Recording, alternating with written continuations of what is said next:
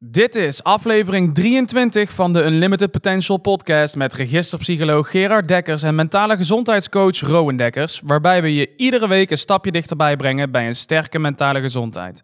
Deze week zitten we aan tafel met Pieter Wijtenburg en gaan we het hebben over burn-out, hoe het ontstaat en hoe je het kunt voorkomen. Welkom uh, Pieter. Ja, dankjewel. Uh, deze keer is dus Rowan er niet bij, want ja, hij zit uh, een beetje achter de knoppen en achter de camera. Korte introductie voor jou, maar daarna geef ik graag het woord nog een keer aan jou. Want ja, weet je, goed. ik vertel een paar dingen, maar ja, jij kunt het dus veel beter zelf natuurlijk doen. Pieter is natuurlijk burn-out coach en NLP-trainer en heeft een prachtige eigen podcast waar ik met heel veel plezier ook zelf naar geluisterd heb, Gezonde Dosis. Um, experts hè, die je met name interviewt uh, daar. En het zijn al vaak heel inspirerende gesprekken, moet ik zeggen. Um, en het is echt een combinatie van een gezonde dosis energie, enthousiasme en relativerend vermogen. Zo zien we het eigenlijk. Exact dat. Ja, zeker. Precies. Um, toch graag uh, jou nog even het woord. Zou je jezelf een klein beetje kunnen introduceren voor de grote onwaarschijnlijkheid dat mensen jou niet kennen, maar graag. Ja. Uh, nou ja, mijn naam is Pieter Wijtenburg, 36 jaar. Nou, we hadden het net al even over de reistijd die ik heb afgelegd. Ik woon in de buurt van Amsterdam in Weesp. Met uh, vriendin en dochtertje van bijna drie. Een tweede kindje op komst. Okay. Echt nog een paar weken, we zijn aan het aftellen. Um, nu sinds uh, iets meer dan een jaar ook directeur van het IEP. Uh, trainingsbureau op gebied van communicatie, leiderschap en, en coaching. Uh, en daarnaast inderdaad, ja, burn-out coach. Ik heb eigen praktijk in Amsterdam. Uh, ik denk nu bijna een jaar of 7 à 8. Oké. Okay. Um, waarin ik dus vooral gericht ben op burn-out. Dus ik krijg natuurlijk alsnog wel wat mensen met andere, de, bijvoorbeeld carrière-gerichte vraagstukken. Uh, maar met name burn-out, burn-out preventie. En vanuit die hoedanigheid ook in de afgelopen jaren bij bedrijven geweest. Voor workshops, lezingen rondom burn-out preventie. vraagstukken van joh, weet je wel, binnen het bedrijf hebben we één of twee teams waarvan we gewoon merken dat binnen die teams, is het uitval, ja. uitvalpercentage dusdanig hoog. Dus kan je eens komen kijken wat we in dat team, wat ze onderling anders kunnen gaan doen om ervoor te zorgen dat ze nou ja, toch met elkaar anders samen gaan werken. Mhm. Wat hopelijk ervoor gaat zorgen dat de uitval daarna wat minder is. Ehm, ja, dus dat zijn een beetje de dingen die mij vooral uh, bezighouden. Ja, en je had inderdaad, je noemde de podcast um, Gezonde Dosis. Die ligt nu helaas anderhalf jaar stil, maar ja. Op de planning, op de planning om zodra de rust weer een beetje is wedergekeerd na de geboorte van ons tweede kindje ergens in de komende weken, is wel de planning om na een paar maanden hem weer uh, op te starten. Dus ik heb hier en daar met al wat mensen gesproken. al gesproken en er staat uh, al wat op de planning, nog niet zeg maar echt ingepland, maar wel op de intentie om wat op te gaan nemen. Okay. Dus ik hoop wel heel erg dat met een halfjaartje of zo dat ik uh, weer wat nieuws de eter in kan gaan slingeren. Uh, ik wacht met spanning af. Ja, nou, zijn gelukkig. Ze zijn altijd erg leuk, moet ik zeggen. Uh, en ook de gasten die je uitnodigt, uh, superleuk. Dat, um, dat, dat burn-out is natuurlijk wel een heel specifiek ding. Ja. En um, hoe is het zo gekomen eigenlijk dat je, dat je daar naartoe getrokken werd, zeg maar, als ja. helper? Ja, ik ben, ja. Ik, ik startte als coach. Uh, ik had eigen coachpraktijk en eigenlijk was vrij snel um, dat ik zelf ook zoiets had van ja, weet je, als mensen ook aan me vroegen, ja, wat doe je? Ja, ik ben coach. Echt zo, oké. Okay. En mm-hmm. voor wat dan? Zo ja, gewoon voor als mensen een stap verder willen zetten in hun leven. Nou, zo vaag als okay, dat er maar zijn okay. kan. Dus mensen stonden me dan ook aan te kijken. Ja. Um, en toen was het al heel snel in gesprek ook met mensen die iets meer verstand hadden van marketing en sales en dat soort dingen, wat ik vooral niet had. Hmm. kwam al vrij snel van ja, je moet echt een niche gaan kiezen. Oké. Um, dus oké, dan ga ik een niche kiezen. En wat ik wel wist uit de hele coachopleiding alles wat ik heb gedaan, NLP, uh, achtergrond daarin, um, dat als het ging over burn-out, dat wij best wel wat andere dingen leerden dan wat ik vooral op internet zag. Oké. Dus daarvan had ik al wel zoiets van, ja, het zou zomaar kunnen zijn dat, dat daar wel echt iets zou kunnen zijn waarin ik een verschil kan maken. Mm -hmm. En toen had ik na een tijdje, ik denk de eerste twee of drie mensen die echt met zware stressgerelateerde klachten tegen burn-out aan, zeg maar, bij mij kwamen. En dat ik dacht, ja, weet je, als het gaat over stress, ja, eigenlijk een heel coachtraject gaat uiteindelijk helemaal niet meer over stress. Het is alleen het eerste gesprek, maar daarna gaat het over veel wezenlijkere mm -hmm. dingen dan dat. Dus toen had ik wel zoiets, ja, het is wel interessant dat als het gaat om burn-out, wordt altijd overal, wordt het, hebben we het maar over stress. En dat is ook hetgeen waar hele artikelen aan gewijd worden. Alle tips gaan over stress, hoe kan je je stress verlagen. En ik dacht, ja, als ik met die mensen in gesprek ben en wat ze echt helpt, gaat daar helemaal niet over. ik denk, volgens mij zit hier wel iets. Dus ik ben vervolgens ben ik een jaar lang um, ja, een soort van onderzoek gaan doen naar burn-out. Door de cliënten die ik al had, maar ook een heleboel mensen te gaan interviewen. Okay. En dat was een beetje, ja, de, de, de, de groepen liepen een beetje uiteen tussen mensen die burn-out waren, er nog in zaten. Anderen die waren burn-out geweest, die hadden er heel lang over gedaan om weer terug op de werkvloer te komen. Of gewoon weer een beetje terug in hun vel. En mensen die um, ook hersteld waren, maar hadden dat snel gedaan. En ik ben gewoon gaan kijken van wat vertellen die mensen precies, hoe hebben ze dat gedaan, om uiteindelijk te kijken van zit er nou een soort van rode draad in dit verhaal, wat nou maakt dat sommige mensen er heel lang over doen ja. En anderen eigenlijk vrij snel weer terug op de werkvloer zijn. Um, nou, en dat was zo. En dat heb ik na een jaar, dat hele verhaal heb ik uiteengezet, mijn bevindingen op LinkedIn gezet.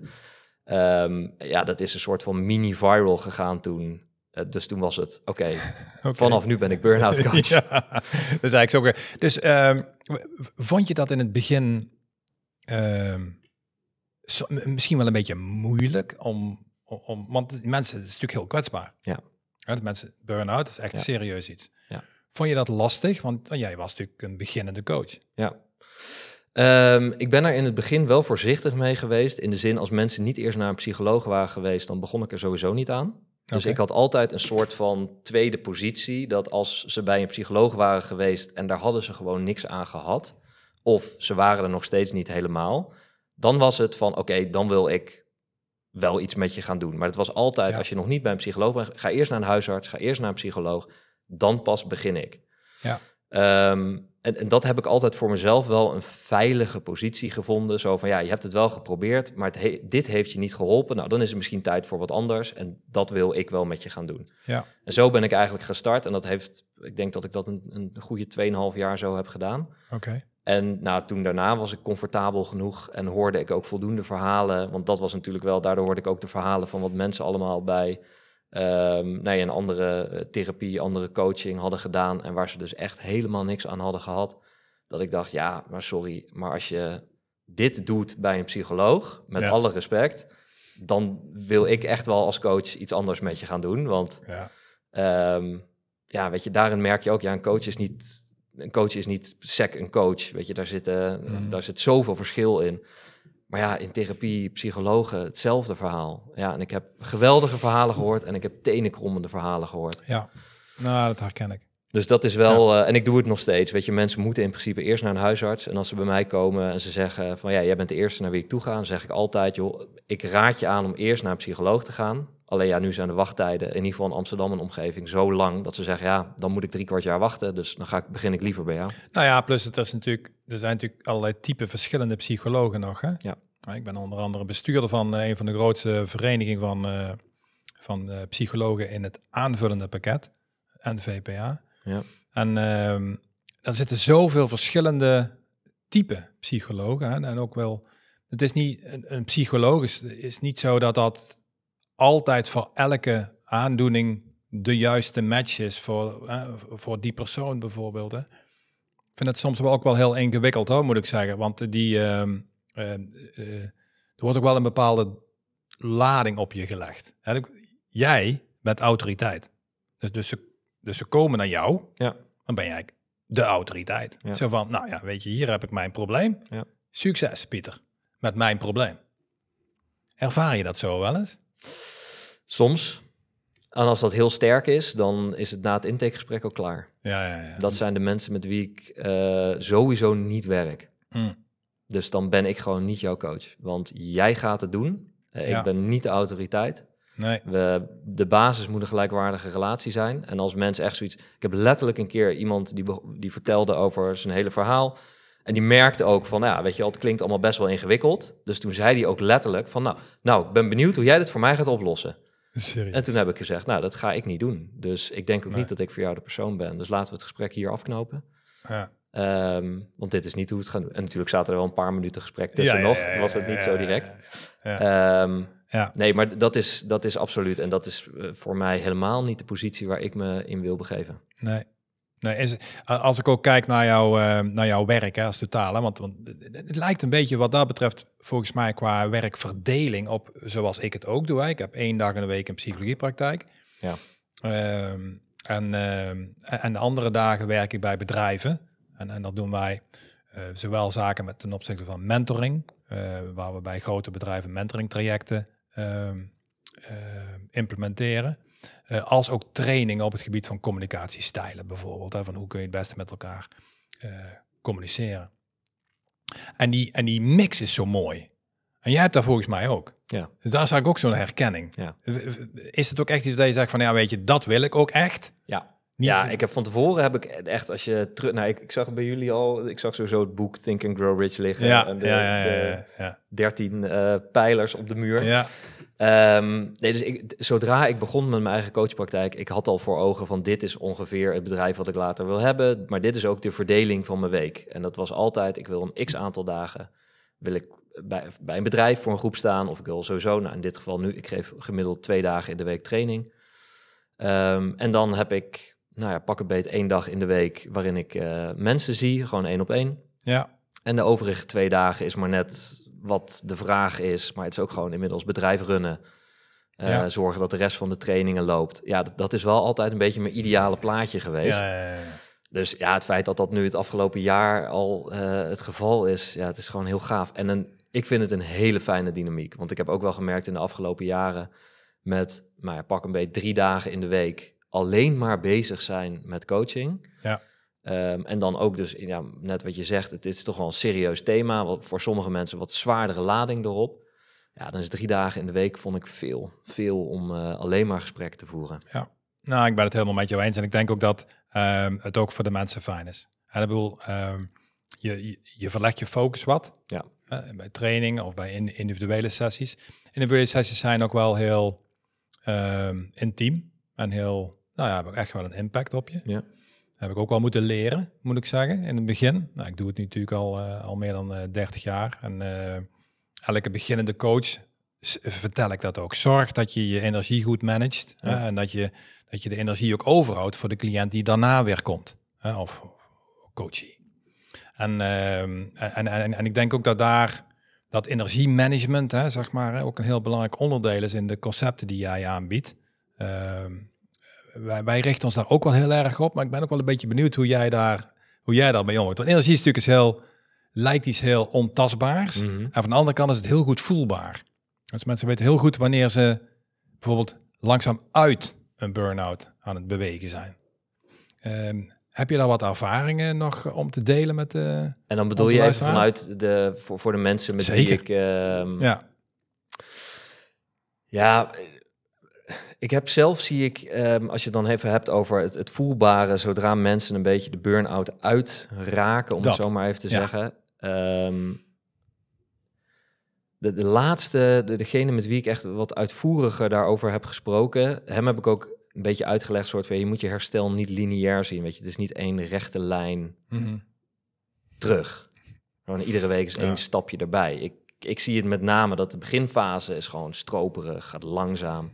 En zodra je even weer wat vertrouwen begint te krijgen, dan kan het in één keer veel meer exponentieel en sneller gaan in die latere fase. Ja, dat is, dat is een goed. Sorry dat je onderbreekt, want ik hoor je dat stroperige zeggen. Ja. Dat is natuurlijk voor, voor degenen die ermee bezig zijn, die, die voelen een pijn, hè? die mhm. voelen iets. Die, die, die denken, oh, wow, ik, ik moet hier van af. En dan gaat het in het begin heel langzaam. Ja. Voel jij die druk? Uh, in het begin wel. Ja. Ja, nu niet meer. Nee. Nee. Nee, nee dat komt denk ik ook gewoon met de jaren. Uh, dat een stukje ervaring is om te zien dat iedereen, ja, ieder traject is anders. Ja. In het begin had ik echt het idee dat iedereen moet er zo snel mogelijk weer bovenop zijn. Een soort van, dat is bijna mijn doel. Mhm. Ehm, en ik heb ook gemerkt, ja, ik heb daar ook maar een heel klein stukje invloed op. Want daarna gaan ze weer naar huis. En sommige nou mensen die doen het een, en sommige mensen doen het ander. Ik heb ook mensen gehad die gaan vervolgens gewoon weer naar festivals en feestjes. En dan hebben ze een zwaar weekend daardoor. En dan ja, toch weer een soort van een paar stappen terug. Ja, ik vind denk ik, ja, ik moet dit ook leren loslaten. Want nou, mijn, mijn, mijn invloed zit echt in een uur, anderhalf tijd dat ik met ze heb. En daarna is het gewoon weer een paar weken overgeleverd aan wat ze er daarna mee doen. Ja, en, en dat, dat, dat ene uur of dat anderhalf uur deel hè, van die, als ze één keer per week komen, ja. zes dagen en 23 uur, moeten ze het zelf doen. Mhm. Of misschien als je de ene keer in de twee weken ze ziet, nog veel langer. Ja. En dan zijn ze natuurlijk nog steeds zelf in dat eigen, in dat eigen systeem bezig van ja, hoe plaats ik nou datgene wat ik met Pieter of met Gerard gedaan heb hè, tijdens dat uur? En, en, hoe ga ik daarmee zeg maar zelf een beweging creëren? Want dat zeg je ook wel heel mooi. Ze moeten natuurlijk wel echt zelf doen, maar ze willen wel graag op een of andere manier wat guidelines krijgen en ook wel bewegingen krijgen, zeg maar, inzet krijgen om, om zelf ermee aan de slag te gaan. En, en wat ik uh, bij de cliënten die ik heb, die, die dan tussen haakjes worstelen met burn-out. Burn-out is ook wel echt een label, hè? Ben ik dan burn-out, Gerard? Of ben ik gewoon een beetje overspannen? Ja. Of heb ik het gewoon even zwaar? Ja. Dat soort vragen krijg ik. Dan zeg ik van, ja, maar hoe voelt dat dan voor jou dan nu? Ja, ja, ja. Ja, ik vind het lastig, want ja, jij bent de expert. Heb je geen testje of zo? Ja. Wanneer ben ik nou burn-out? Wanneer, wanneer vind jij dat, je, dat iemand burn-out is? Of gewoon overspannen? Of gewoon een beetje druk in zijn hoofd? Ja, ja, ik ga je denk ik een heel onbevredigend antwoord geven. Maar zodra mensen bij mij binnenkomen, maakt het eh, voor mij eigenlijk al niet meer uit wat het label is, hmm. wat daar aangegeven wordt. Omdat ik merk dat ehm, het staat het herstel verder. Ik vind het niet bevorderend per se. Ehm, en het is inderdaad veel belangrijker, is wat ervaar je zelf? En sommige mensen die zeggen inderdaad van ja, terugkijkend, is eigenlijk ja, met name de afgelopen twee maanden heb ik het gewoon echt even pittig gehad, maar echt heel pittig. Ik heb ook wel eens mensen die zeggen ja, ik ben burn-out. Ja, hoe weet je dat? Ja, nou, dat heeft de dokter me verteld. Ja. Zo, ja. En, en, verder? Ja. ja, verder, ja, gewoon wel een pittig jaar achter de rug. Oké. En, en, dat is het, weet je, dat even plat gezegd. Ja. Dus het is ook maar net van ja, aan wie vertrouw je toe dat het label wordt gebruikt? Wat, wat voor een invloed heeft dat weer op je? Dus daar ben ik sowieso heel voorzichtig mee. En het is ook ja, een burn-out. Als je er nog steeds echt gaat kijken naar mensen die er echt studie naar doen, die mensen weten het ook nog steeds niet, wat het nou precies is. Er is heel veel oneenigheid over in die, in die, in die branche, zeg maar. Uh, overspannenheid hoor je tegenwoordig bijna niet meer. Iedereen is meteen burn-out. Ja. Dus dat is ook al iets, soort van, ja, het ene label heeft het andere overgenomen. Maar ja, op het moment dat mensen bij me komen en die vertellen, ja, ik krijg paniekaanvallen als ik uh, naar de Albert Heijn ga.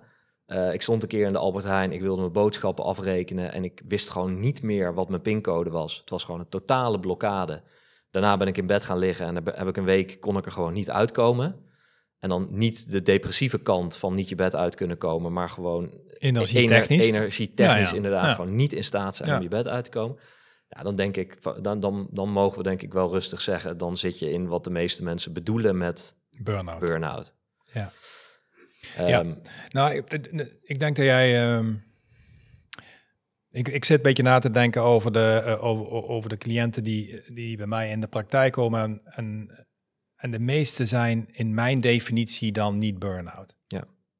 En ik heb wel mensen die echt gewoon tussen haakjes apathisch op de bank zitten en eigenlijk niet eens meer naar mij toe kunnen komen. Ja. ja. ja dan, dan begin je in die richting te komen van dat je je pincode niet meer weet en dat je eigenlijk niet meer weet waar je bent, dat je gedisoriënteerd bent, dat je soms associeert, dat je niet meer weet waar je ook daadwerkelijk bent. Ja. Uh, daar, dat, zijn, uh, dat zijn echte, echte signalen. Um, langzaam gaan mensen dan van dat label ook een beetje loskomen. Want ja, waar je aan denkt, geef je energie. Ja. Dus, dus oh ja, ik ben burn-out. Oh ja, ik ben burn-out. Oh ja, ik ben burn-out. Oké, het gaat iets beter. Ja, ik kan eigenlijk wel weer dingen. En dan begint, vind ik zelf altijd dus een heel precair proces. Want dan gaan ze weer normale dingen doen. Mm en, maar, maar als ze normale dingen gaan doen, dan gaan ze waarschijnlijk ook normaal terug naar waar ze waren. En wat misschien wel de oorzaak is geweest van het feit dat ze überhaupt in die burn-out terechtkwamen. Herken je dat? Ja, als, als er ehm, weinig interventie is geweest op het stuk wat ervoor heeft gezorgd, ja. dan um, hè, dat, dat zie je ook in, in de ik, ik heb ook in, in dat jaar waarin ik zei van het, het research met de mensen, de interviews die ik heb genomen. De, de, mensen die een terugval hadden, was omdat er geen interventie was gepleegd op hetgeen waar nou echt het probleem zat. Dus ja, ja, ja. Ik, ik vind zelf ook gewoon zeggen, ja, iemand die burn-out is, die moet stoppen met werken, thuis gaan zitten, uitrusten. En als je genoeg bent uitgerust, dan kan je weer terug. Dan denk ik soort van, ja, het, het, het, zeg maar een hoger niveau van pleisters plakken kan je niet vinden. Want nee. Haal iemand uit de omgeving, ja, tuurlijk verandert alles dan weer. En geef het voldoende tijd en iemand voelt zich weer helemaal normaal. Maar letterlijk de eerste dag dat iemand weer terugkomt in de omgeving... en hij heeft zelf niet de middelen, de tools, de verandering, de wat dan ook... om anders om te kunnen gaan met hetgeen wat er in die omgeving op hem afkomt. Ja. ja, dan kan je letterlijk, en vaak omdat het al een keer gebeurd is, gaat het daarna nog vele malen sneller. Heb je soms binnen een paar weken dat iemand weer terug is bij je af. Exact. En er is echt, iemand heeft vooral in dat, wat jij zegt, dat precaire stuk, als het gaat over reïntegratie, en het gaat over reïntegratie, uh, en dan gaan we er even vanuit dat het alleen werkgerelateerd is, want dan hebben we nog even alle privé dingen die erbij komen, die ook heel vaak een rol spelen. Maar Stel het zou echt alleen werkgerelateerd zijn, dan komt iemand terug in zijn oude functie, gaat weer dezelfde werkzaamheden doen met dezelfde mensen om hem Ontmoet dezelfde mensen, die heel vaak ook een onderdeel zijn van ja. het ongemak wat ze ervaren. Daar zit voor mij echt het allerbelangrijkste stuk van coaching. Ja. Want dan moet je gaan leren van hoe ga ik op een nieuwe manier, die veel beter aansluit bij mij persoonlijk en met oog op gewoon duurzaamheid van mijn eigen gezondheid. Hoe ga ik dan op om met die triggers, met die mensen, met mijn werkzaamheden? Ja, ja en weet je, voor sommige mensen is dat in één keer moeten gaan leren van ja, weet je, als, als er een nieuw project is, dan kan ik niet uh, rondlopen als een blij ei en zeggen ja, doe ik wel, ja, doe ik wel. Oh, nieuw project, ja, doe ik wel. Oh, nou, doe dit maar. Oh, de klant is nog niet tevreden. Nou, dan pak ik het wel op. Ja. Nee, dan moet je gaan leren dat dingen door een ander gedaan worden, misschien met andere kwaliteit. Ja. Maar ja, daar zit zo'n. Nu klinkt het heel simpel. En dat is ook vaak als er wordt gezegd: ja, dan ga, zeg gewoon nee. Vanaf nu ga jij gewoon nee zeggen. Ja, weet je, zo werkt het. Ja, nee, nee, daar zit echt, daar, daar zit een, een, een bijna een transformatie die daaraan vooraf moet gaan voor iemand. Om dat ook te kunnen ervaren en nou, gewoon nee te kunnen zeggen. Nou, ze hebben in ieder geval ervaren dat zoals ze het voorheen deden, dat dat geleid heeft tot een overbelasting. Ja. Dat is 100% zeker. Want anders waren ze niet bij jou of bij mij gekomen. Daarna mogen ze heel veel energie steken in een herstel. Ja. Dat is natuurlijk super. Maar ja, ze hebben verder niet heel veel, want ze zijn vaak uitgevallen of, en zijn dus thuis. Maar daarna komen ze weer in, in de oude situatie terecht, zeg jij. Hè? En, en daar ervaar ik ook heel erg goed. Waarbij, ze, waarbij niet altijd iedereen al helemaal tot op het gaatje gegaan is over wat de reden is waarom ze met hun persoonlijkheid uh, die overspannenheid zijn gaan ervaren.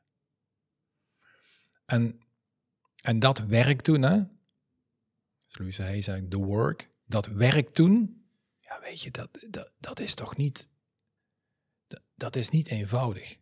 Dus, dus ik wil het voor de luisteraars niet moeilijker maken dan het is, hè? Sorry. Um, maar dat vergt echt een deep dive in je eigen persoonlijkheid. Ja. Van hoe is dat nou gekomen zo? Het feit dat je er bent, vind ik eigenlijk nog niet zo relevant. In de burn-out fase zit of overspannen. Maar hoe is dat nou gekomen dan? En als je dan kijkt naar je, naar je leven, zowel privé als zakelijk, of als op je werk. Want soms is het ook privé waar je vol gas naast je karrenspoor zit, zeg maar, zoals wij dat dan noemen. En, en, dat dat in, uiteindelijk in werk zich wel op een of andere manier leidt dat je dingen niet meer aan kunt. Maar dan is de oorzaak niet het werk. Mm Nee, 100 procent. Ik, ik heb wel eens iemand gehad die gewoon in een... Volgens mij was het in totaal, was een van de ouders was overleden. Die heeft gewoon twee jaar lang niet gerouwd. Ja. Is wel door blijven werken. Ja, en uiteindelijk dus op werk werd alles steeds moeilijker en moeilijker en viel uiteindelijk uit. Ja, dan wordt er massaal gekeken naar wat, nou, wat was er dan op werk wat er niet goed ging. En hoe werd dit in één En die, die presentatie, was die klant dan te veel? En soort van, ja, nee, het is gewoon niet, het is gewoon een rouwproces overgeslagen. En dat, dat, als je het hebt over energiemanagement, Zeker. dat zuigt de energie letterlijk uit je weg. Nou, doe dat twee jaar lang. Ja, dat, dat houdt je niet eindeloos vol. Dus zo, ja, het is een heel, weet je, het is ook een, een soort van een interessant samenspel bijna tussen allerlei factoren. Hm. Ehm, maar waar zeker inderdaad het privéstuk of wat er dan ook maar gebeurt in iemands leven niet overgeslagen mag worden. Nou ja, we scheiden het ook heel veel in plaats van dat we het onderscheiden. Privé en zakelijk. Ja. ja dus, dus het is gewoon een privé en zaak zijn een onlosmakelijk onderdeel van je hele zijn. van je wakkere zijn. En op het moment dat je het gaat scheiden, en ik vind dat dat veel gebeurt. Ja, nee, dit is privé of dit is zakelijk. En, en, dan denk ik van, ja, wacht eens even. Dat, dat, je kunt dat niet los van elkaar zien, want je bent elke keer dezelfde persoon die in privé of in zakelijk iets aan doen is. Dus, dus zie dat als een totaal bij voorkeur. En kijk dan naar je processen, hoe dat bij jou dan beweegt. Dus, dus, in privé. Dus als wij bijvoorbeeld assessments doen, dan, dan, laten wij vragenlijsten invullen. Uh, door de persoon zelf natuurlijk. En, en in privé een aantal mensen en zakelijk een aantal mensen op dezelfde competentie. Bijvoorbeeld onderbreken of uh, emoties tonen of nou, allerlei dat soort competenties. En als we dan grote verschillen zien tussen de zelfperceptie privé en zakelijk, dan weet je dat er ergens iets wringt. Want, dan, want het kan niet zo zijn dat ze zich in beide gedragingen senang voelen. Op zijn gemak voelen. Kan niet. Dus dan is er iets, dan wringt er iets. Ja. En zo kijken wij naar, naar, naar, naar, hoe, je, hoe jouw mentale processen eigenlijk, eh, eigenlijk werken. Um, jij zult ook wel een soort van diagnosesysteempjes hebben. Heb je daar een. Uh, of, of, doe je dat intuïtief? Of, uh, of met ja. vraaggesprekken? Of? Nou, wat, wat, wat mijn, mijn, mijn diagnose in die zin, uh, om het even zo te noemen, waarvan ik al zei, is echt, als het echt gaat om de klassieke diagnose, daar, daar, daar hou ik niet van. Ik denk, past ook niet bij coaching. Dat is veel meer. Ja. Uh, nou ja, misschien toch iets meer het reguliere circuit. Ja. Um, wat, wat ik uiteindelijk in coaching doe, is ik ben altijd aan het kijken naar. Nou, jij noemde net al heel even dat je er nu zit in een burn-out. is eigenlijk nog niet zo relevant. Wat is er in aanloop daar naartoe gebeurd? En wat heeft gemaakt dat? Weet je, daar, daar zit mijn. Mhm. Nou ja, als je het een diagnose. Maar daar, zit, daar ben ik aan het zoeken naar wat zit daar dan? Wat was er wat je uit de weg wilde gaan, wat je niet aandurfde? Altijd mijn stukje zit op een ja, een weerstand die er eigenlijk heeft gezeten tussen jou en de juiste kant op te gaan. Ja, dus als we het net hebben over diegene die, um, weet je, twee jaar lang niet rouwt, dan is letterlijk hetgeen wat ik wil weten, is wat stond er in, tussen jou en het rouwen, wat stond daar in de weg? Wat maakte dat je het rouwen, het, hele idee van het rouwen, ehm, niet, niet, niet aandurfde te gaan, dat je het uit de weg wilde gaan? Ja, en mijn, en dat is ook terugkomend op dat, dat jaar onderzoek wat ik heb gedaan, is um, als het gaat over burn-out, dan ben ik dus ook nauwelijks gefocust op stress, maar op angst. Hmm. Waar zijn mensen bang voor? Het heeft namelijk exact dezelfde fysiologische reactie. Gevolgen, ja. dus adrenaline, dus cortisol, dus dat blijft intact. Alleen of je nou het hebt over waar iemand bang voor is of waar iemand gestrest door raakt, een wezenlijk verschil. Vertel eens, ik ben benieuwd. Nou, alleen al als je de woorden aangeeft. Mensen hebben het altijd over ik raak gestrest door, mhm. oftewel oorzaak ligt buiten mij. Oké. Of ik ben bang voor. Ja. En dan hebben we het over een innerlijk proces. Ja. Ja, en, en, en daar, bij die angst, zeg jij wat, daar ligt ook misschien wel de meeste toegevoegde waarde van Pieter. 100 procent. Ja. En ik geloof heilig in wat ik echt heb gezien tussen mensen die snel herstellen en er lang over doen. Als mensen de angst zijn aangegaan, erachter zijn gekomen waar ze bang voor waren, wat uiteindelijk heeft gezorgd in die aanloop naar de burn-out toe, zeg maar. Van ja, weet je, ik, ik, ik, vond, ik, ik durfde mijn grenzen niet aan te geven omdat ik bang ben dat collega's dan van alles van me vinden. Exact. Weet je, en daar, daar moet dan iets gebeuren. En dan, is het, dan gaat het dus veel verder over leren je grenzen aan te geven. En dan gaat het over, ben je in staat in dit hele proces om dus eerst echt naar binnen te gaan kijken. hey, blijkbaar ben ik dus echt bang voor dingen. Hmm. En wat is er nodig vervolgens om ervoor te gaan zorgen dat ik nou ja, op een andere manier daarna kan gaan kijken. Dat ik die angst echt letterlijk in de ogen durf te kijken en daarin een beweging durf te maken. Maar dat, als je het hebt over iets wat van, van nou ja, de, de work, het werk wat mensen moeten doen. Ja, ja dat is, een, is mijn ervaring wezenlijk anders, op een ander niveau dan als je het hebt over nou, het managen van iemands stress. Ja, ja, ja. Of het echt het aangaan van angsten. uh, wat mensen ervaren. En dan is het dus niet zozeer doodsangsten, want voor sommige mensen klinkt het woord angst, weet je wel, heel groot. Ja. Maar ja, weet je, het, mensen zijn ook bang om de trein te missen. Ja, en, en, daarom rennen ze. Ja, of bijvoorbeeld, zo, zo, klein kan het ook zijn. Ja, bijvoorbeeld een opmerking te maken in een vergadering. Ja. God, wat gaan ze wel van mij vinden als ik dit zeg? Hè? En, en, en dan is dat ook een angst die ze dan hebben. Ja. En, en ik, ik, vind dat je het super goed uitlegt. Uh, um, ik, ik, zie ook heel veel raakvlakken met hoe wij de individuele coaching doen. Ja. Um, ik zie ook wel wat verschillen bij bedrijven. Want in een bedrijfstraining aan de gang gaan met angst, dat is natuurlijk best.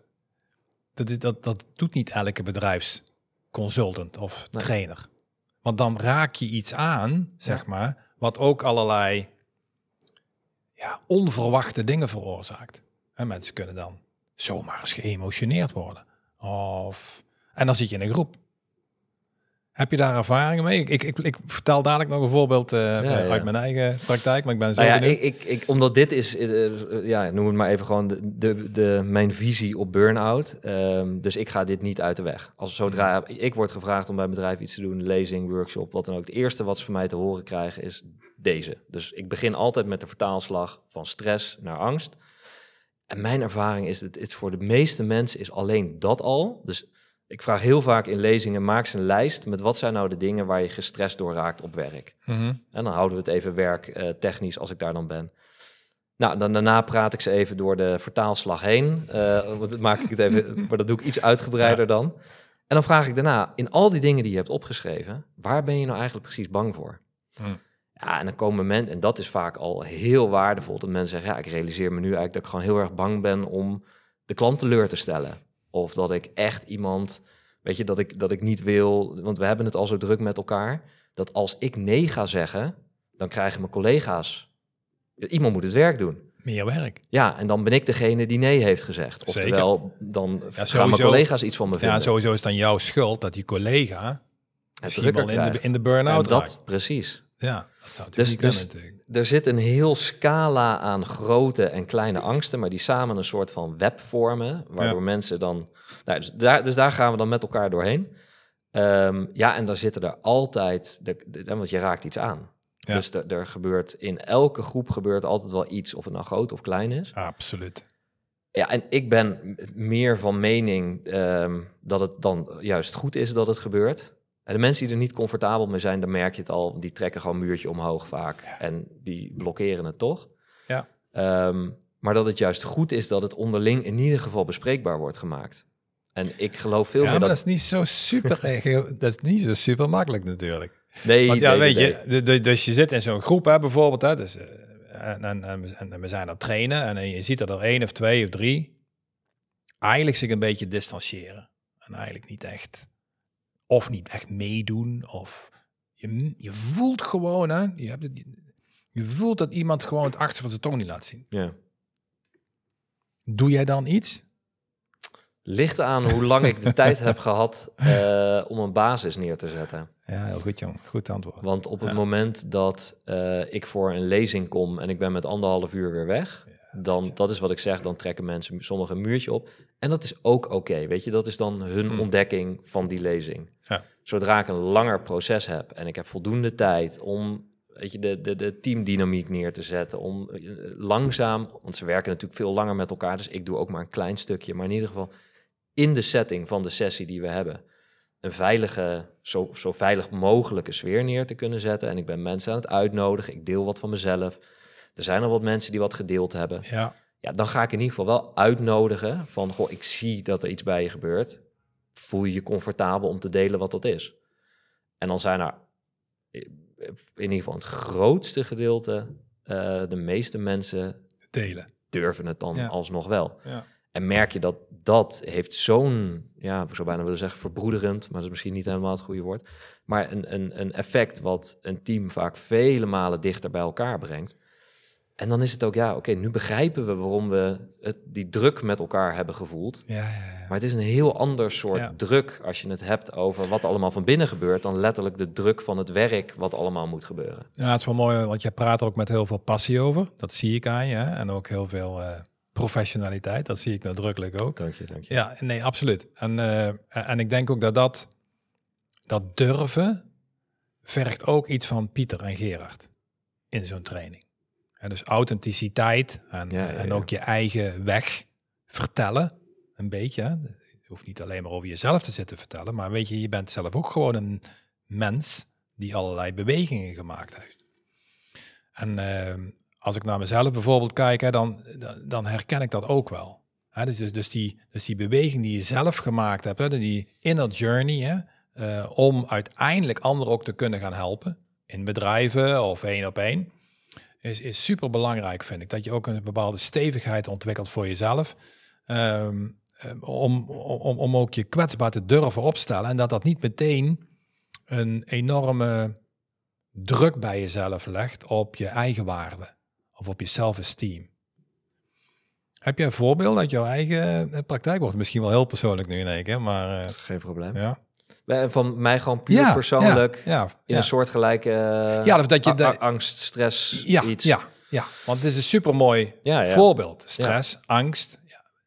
Ja. Ja. ja. weet je, ik heb... Um, weet je, toen ik hiermee bezig was, en ik denk dat dat met het meeste is wat je, wat je in, in ons vak, tenminste dat hoop ik dat de meeste mensen dat doen, is er zit natuurlijk gewoon een hele sterke initiële zelfreflectie eerst. Hmm.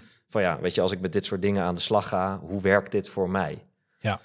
En ik weet nog wel dat ik, en dan ga ik even iets verder terug, um, maar ik denk voordat ik überhaupt begon aan coachopleiding, aan NLP, voor mij was gevoel, emotie en daarbij dus überhaupt herkennen dat er iets van angst aanwezig was. Ja, ik deed daar niet aan. Maar gewoon letterlijk een soort van ja, gevoel, weet je wel, schij uit. Uh, dat was onderdrukken, dat was weghouden. En um, het, het weerde daarvan is ook, en dat heeft me in die zin ook heel veel geleerd. Maar op het moment dat je vindt dus meer een soort van cognitief vinden dat die emoties er niet zijn. Mhm. Ja, ze zijn er wel en dan komen ze gewoon ongecontroleerd en op de meest vage momenten komen ze naar boven. Ja. Dus ik heb echt in de jaren, nou, als er moeilijke momenten waren, dat ik echt kon janken en ik begreep er niks van. Letterlijk dat ik dacht, waarom Waar moet komt dit nou vandaan? Waar komt dit vandaan? Ja, en voor mij heeft, uh, nou ja, weet je, door, door alles wat ik zelf ook qua trainingen heb gedaan, ben ik echt gaan ja, leren en er was ook ontdekken, een soort van, oh maar wacht even, dat het feit dat ik vind dat ik ergens niet bang voor hoef te zijn. En bijvoorbeeld vroeger, ik was echt, als ik voor een groep ging staan, wat nu gewoon, nou, ik doe het meerdere dagen in de week, uh, en ik sta er echt heel comfortabel. Nou, ik, ik weet 100% zeker dat je kon mijn halsslagader kon je echt uit mijn nek zien slaan. Omdat ik gewoon zo bezig was met ik moet dit perfect doen. Want anders vinden mensen me een loser, een sukkel. Uh, Weet je, ik moet bijna een Remco Klaassen, Tony Robbins-achtige performance. Want anders dan is het gewoon slecht. En dan denken ze, Jezus Pieter, wat ben jij toch een sukkel. Daar was ik bang voor. Hmm. Maar in eerste instantie had ik zoiets van, nee joh, weet je wel, dat, dat hoeft helemaal, dat, ik hoef dat toch helemaal niet, dat heb ik allemaal achter me gelaten. Hmm. Dus elke keer stond ik dan weer bij een presentatie of bij iets anders, nog voordat ik echt voor groepen stond, maar dan moesten kleine dingen, of tijdens de coachopleiding, dat we iets moesten presenteren. Helemaal shakend. Nou, dus echt mijn hartslag sloeg mijn nek uit voor mijn gevoel. Ehm, en dan daarna zat ik weer dat ik dacht, ja, weet je, hoezo is dit met me aan de hand? Maar ook echt een soort van verbolgen zijn over het feit dat, er een emotionele reactie plaatsvond. En ik heb echt moeten leren om gewoon, joh, ja, ik ben echt voor een heleboel dingen bang. Ik, ik, ik ben bezig wat andere mensen van me denken. En ik wil dat ze me uh, graag fantastisch vinden, maar ik ben dus ook bang dat ik misschien een indruk maak en dat ze denken dat ik een loser ben. Nou ja, weet je, en dat heeft gelukkig door de jaren met een heleboel the work-achtige uh, dingen die ik aan mezelf heb mogen doen, ja, is dat voor een heel groot gedeelte veranderd. Maar ik herken wel heel erg dat je, je, je moet naar binnen toe, je moet jezelf aan durven kijken. En dat gaat echt verder dan gewoon het cognitieve spelletje. Ja. Wat, wat, wat denk je hoe je bent en wat denk je dat er anders kan? Ehm, en dat gewoon onder ogen durven zien. Want dan pas kom je verder. Dat is mijn heilige overtuiging. Ja, ik vind dat je het ongelooflijk mooi uh, vertelt. En uh, ik denk ook dat heel veel in het coaches gilde, daar heel veel niet gereguleerd is. Kijk, bijvoorbeeld in de, in de reguliere, ik leg uit waarom ik dat zo zeg. In, in de reguliere, ik ben ook psycholoog natuurlijk, uh, en wij hebben allerlei ehm, onderdelen van onze permanente educatie die daar gewoon bij horen. Punt. Je doet supervisie. Je doet eigen leerwerk. Je doet intervisie. Je, dat is het allemaal, eh, ja, sommigen vinden het misschien niet zo super fijn dat het allemaal moet, maar het is ongelooflijk waardevol om het te doen. En zo'n personal journey die jij vertelt, ja, ik vind het echt, echt heel gaaf dat je daar ook zo open over bent en dat je dat nu gewoon zo vertelt. Het is ook niet dat je er open voor bent dat je er misschien voor zou schamen dat je zelf die personal journey gemaakt hebt. Nee, het is nog, het is nog sterker wat mij betreft. Het is essentieel om uiteindelijk een goede trainer-coach te kunnen zijn. Om dat te doen. En daar echt zelf doorheen gaan. Hè? En ja. daarom vond ik, uh, nou ja, ik ken Remco uh, natuurlijk ook. Uh, die vertelde ook dat hij alles gedaan heeft van boomknuffelen tot aan Tony, Tony Robbins. En, en dat is ook een beetje wat, wat, wat mijn ding is geweest. Hè. Ik heb van EFT tot, tot energy clearing, tot, maar ook voice, voice dialogue, um, inner family systems, familiesystemen allerlei varianten om uiteindelijk te komen tot jouw meest comfortabele ding als trainer, coach, helper. Ja. Um, en die reis maken, ja, dat, dat, is een, dat, dat is een prachtig iets wat ik anderen ook gun.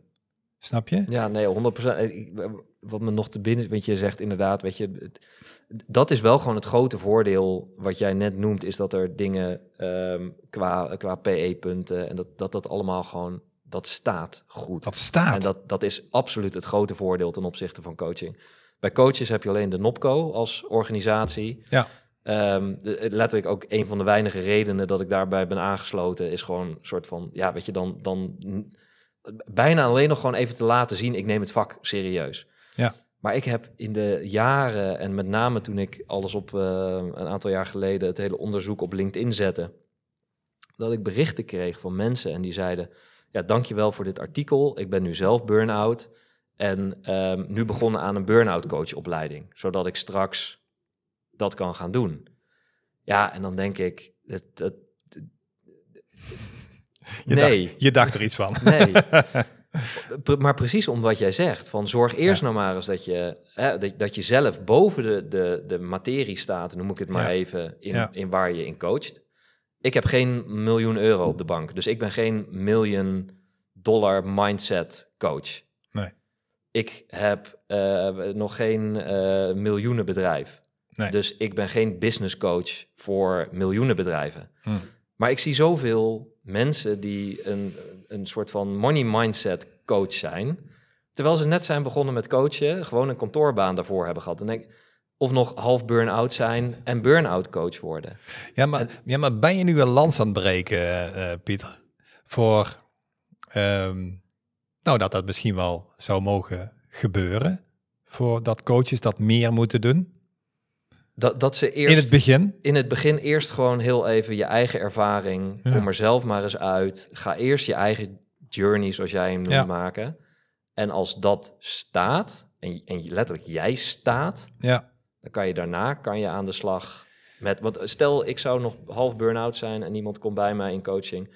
En die begint over iets te praten. En dat raakt mij letterlijk, omdat dat het proces is waar ik in zit. Ja, weet je, dan, ben ik... overdracht tegen overdracht. Het gaat echt exact. gewoon zonder dat je, het, dat je er enige controle over hebt. Ja. En dus ik, ik vind dat echt... Uh, ja. Nou, dus als je, je, begint met coachen, begin met de kleine dingen waar je comfortabel mee bent, omdat je al zelf een aantal stappen verder bent. Ja, ik hou best wel van ervaringsdeskundigheid als coach. Ja, dus dat, daar is niks prima. Mee, ook vaak triggert dat een niche waar je denkt van oké, weet je, nou, dat is wel echt iets voor mij, want eh, daar heb ik ook echt een gevoel bij, daar heb ik echt passie voor. Prima. Maar ik ben echt, uh, ik ben enorm voorstander van permanente educatie en dat dat, dat dat eigenlijk veel meer ook georganiseerd zou mogen worden. Zelfs wij, wij zijn, al onze opleidingen zijn EMCC gecertificeerd, zowel practitioner niveau als foundation. Um, de, de, maar daarna, ook niet vanuit die organisaties, wordt er gezegd van, hey, weet je, Gerardus, elk jaar uh, wil ik graag dit uh, wel zien of wil ik dat zien, want anders dan uh, verlengen we jouw certificaat niet. Ja. En ik, ik, nou ja, Weet je, onze podcast is uh, te kort. om dat onderwerp nog helemaal bij de kladden te pakken. Uh, maar, maar weet je, ik, ik, ik denk dat we daar ook, omdat er ook best wel wat um, beleving is in de maatschappij, hè? coaches, daar zit niet altijd een ongelooflijk positieve beleving aan. Nee. En één, dat vak serieus nemen, hè, op, op, op alle facetten, ja, daar, daar durf ik ook wel een land voor te blijken. Ik, ik, ik, ik, zit op een, uh, een coworking kantoor, zeg maar, voor coaches. Uh, dus dat is een hartstikke mooi pand met alleen maar spreekkamers. Uh, die, een aantal kan je gewoon reserveren.